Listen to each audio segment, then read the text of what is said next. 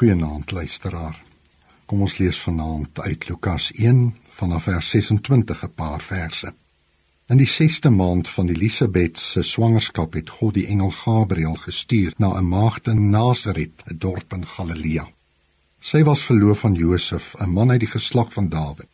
Die naam van die maagd was Maria. Die engel het vir haar gesê: "Die Heilige Gees sal oor jou kom en die krag van die Allerhoogste sal die lewe in jou wek. Daarom sal die een wat gebore word, heilig genoem word, die seun van God."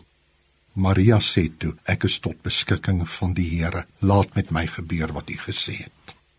In Nasaret het 'n jong meisie gewoon wat swanger was en verloof was aan Josef, 'n timmerman en lid van die plaaslike Joodse gemeente, die sinagoge.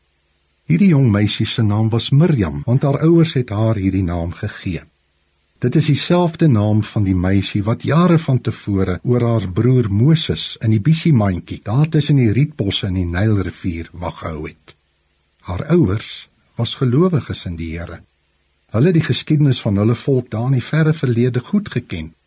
Moontlik in die lig hiervan het hulle hulle dogter wat gebore is na hierdie vrou van die uittog, die suster van Moses, vernoem, Miriam. Miriam is die Hebreëus vir Maria. In die Grieks en Latyn word Miriam met Maria vertaal, soos ons haar vandag in ons Afrikaanse Bybel ken. Sy was die moeder van Jesus wat in Bethlehem gebore is. Met die geboorteverhaal van Jesus wat sy volk uit die slawehuis van sonde sou lei soos Moses van ouds gebore is om die volk uit Egipte te lei, sou die naam Miriam, oftewel Maria, weer opduik. Net soos in die moeilike tyd van haar volk se lewe daar in Egipte land, Miriam die suster van Moses en haar Aaron getrou op haar pos gebly het en instrument in die hand van die Here was om redding vir die volk te bring, het hierdie jong meisie van Nasaret haar bereid verklaar om ook so instrument in God se hand te wees, toe sy geroep is om die beloofde Messias as verlosser in die wêreld gebore te laat word. In volledige gehoorsaamheid aan God het sy uitgeroep: "Ek is tot beskikking van die Here.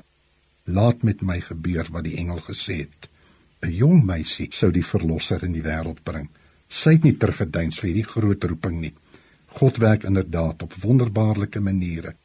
Hy gebruik die kleinste en die geringe om sy groot verlossingswerk vir sy mense wat hy liefhet op aarde werklikheid te laat word. Liefdevolle God en Vader, as ons na die boodskap van ons verlossing luister en ons sien hoe U geringe mense gebruik om daardie verlossing werklikheid te laat word. Mag ons dan ook vandag as gelowiges sê, laat ons tot beskikking van U wees. Ons vra dit net in Jesus se naam.